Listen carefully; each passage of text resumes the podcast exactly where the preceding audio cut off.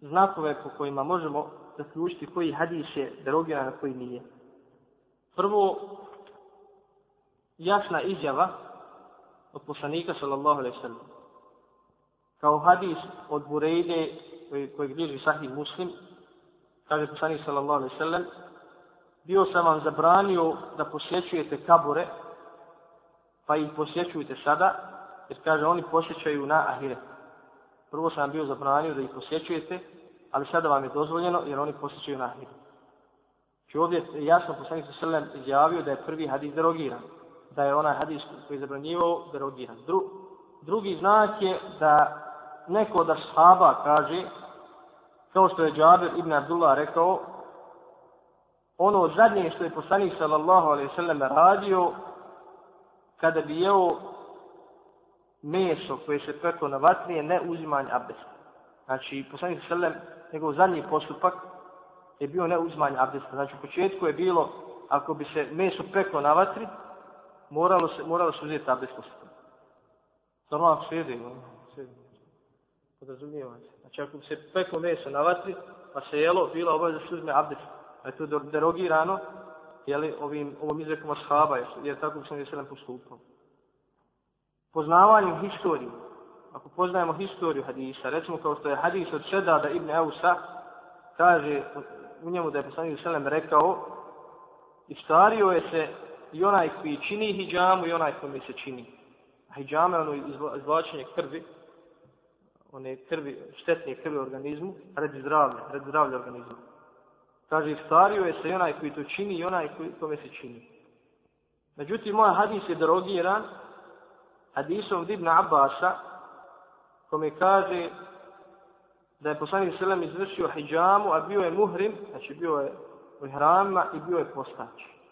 Izvršio je ovaj, hijjamu, a bio je u ihramima bio je postač. Znači, nije, nije se omršio. Kaže, hadis slučajači navode da je ovaj hadis od seda, da ovaj prvi, da je bio za vrijeme osvojenja Mekke. Osvojenja Mekke 8. godine po Hidžri. A ovaj drugi hadis od Ibn Abbasa da je bio na oproslom hađu, znači pred kraj poslanika sa života. Prema tome ovaj drugi hadis je je li derogirao ovaj prvi. Četvrta stvar na osnovu koje znamo da li je hadis derogiran ili nije je hadis je, je ovaj iđma, konsenzus u Lemi. Kao što je hadis, ko se napije alkohola, bićujte ga, pa ako se vrati četvrti put, ubijte ga. To je bilo, jel, u početku. Međutim, derogirano je to iđmaom, konsenzusom ulema. Što se tiče kompromisa između dva vjerodostojna hadisa, imamo za primjer hadis kome poslanik za selem kaže nema prenošenja bolesti niti sujebije ne postoji prenošenje bolesti, jeli, niti je dozvoljeno sujebi. A u drugom hadisu kaže poslanik za selem, bježite od kuge kao što bježite od lava. Kako spojite ova dva hadisa? Prvom kaže nema prenošenja bolesti. A drugom kaže bježite od kuge.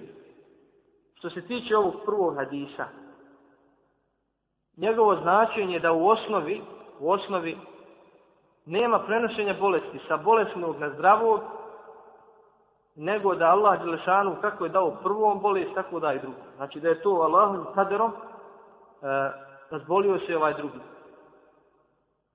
A ovaj drugi hadis upućuje na preventivu da onaj ko se nađe među bolesnim, oboljelim od jeli, ovaj, bolesti neke, da stvar da onaj koji, koji je zdrav da ne ide među oboljeli, da ne bi ovaj Allah Đelešanu dao da oboli ne prenošenje bolesti od njih, nego da mu kaderom bude određeno da oboli, pa da onda zbog toga pomisli da je da je bolest prešla od nekog drugog i da, da tako zapadne u grijeh.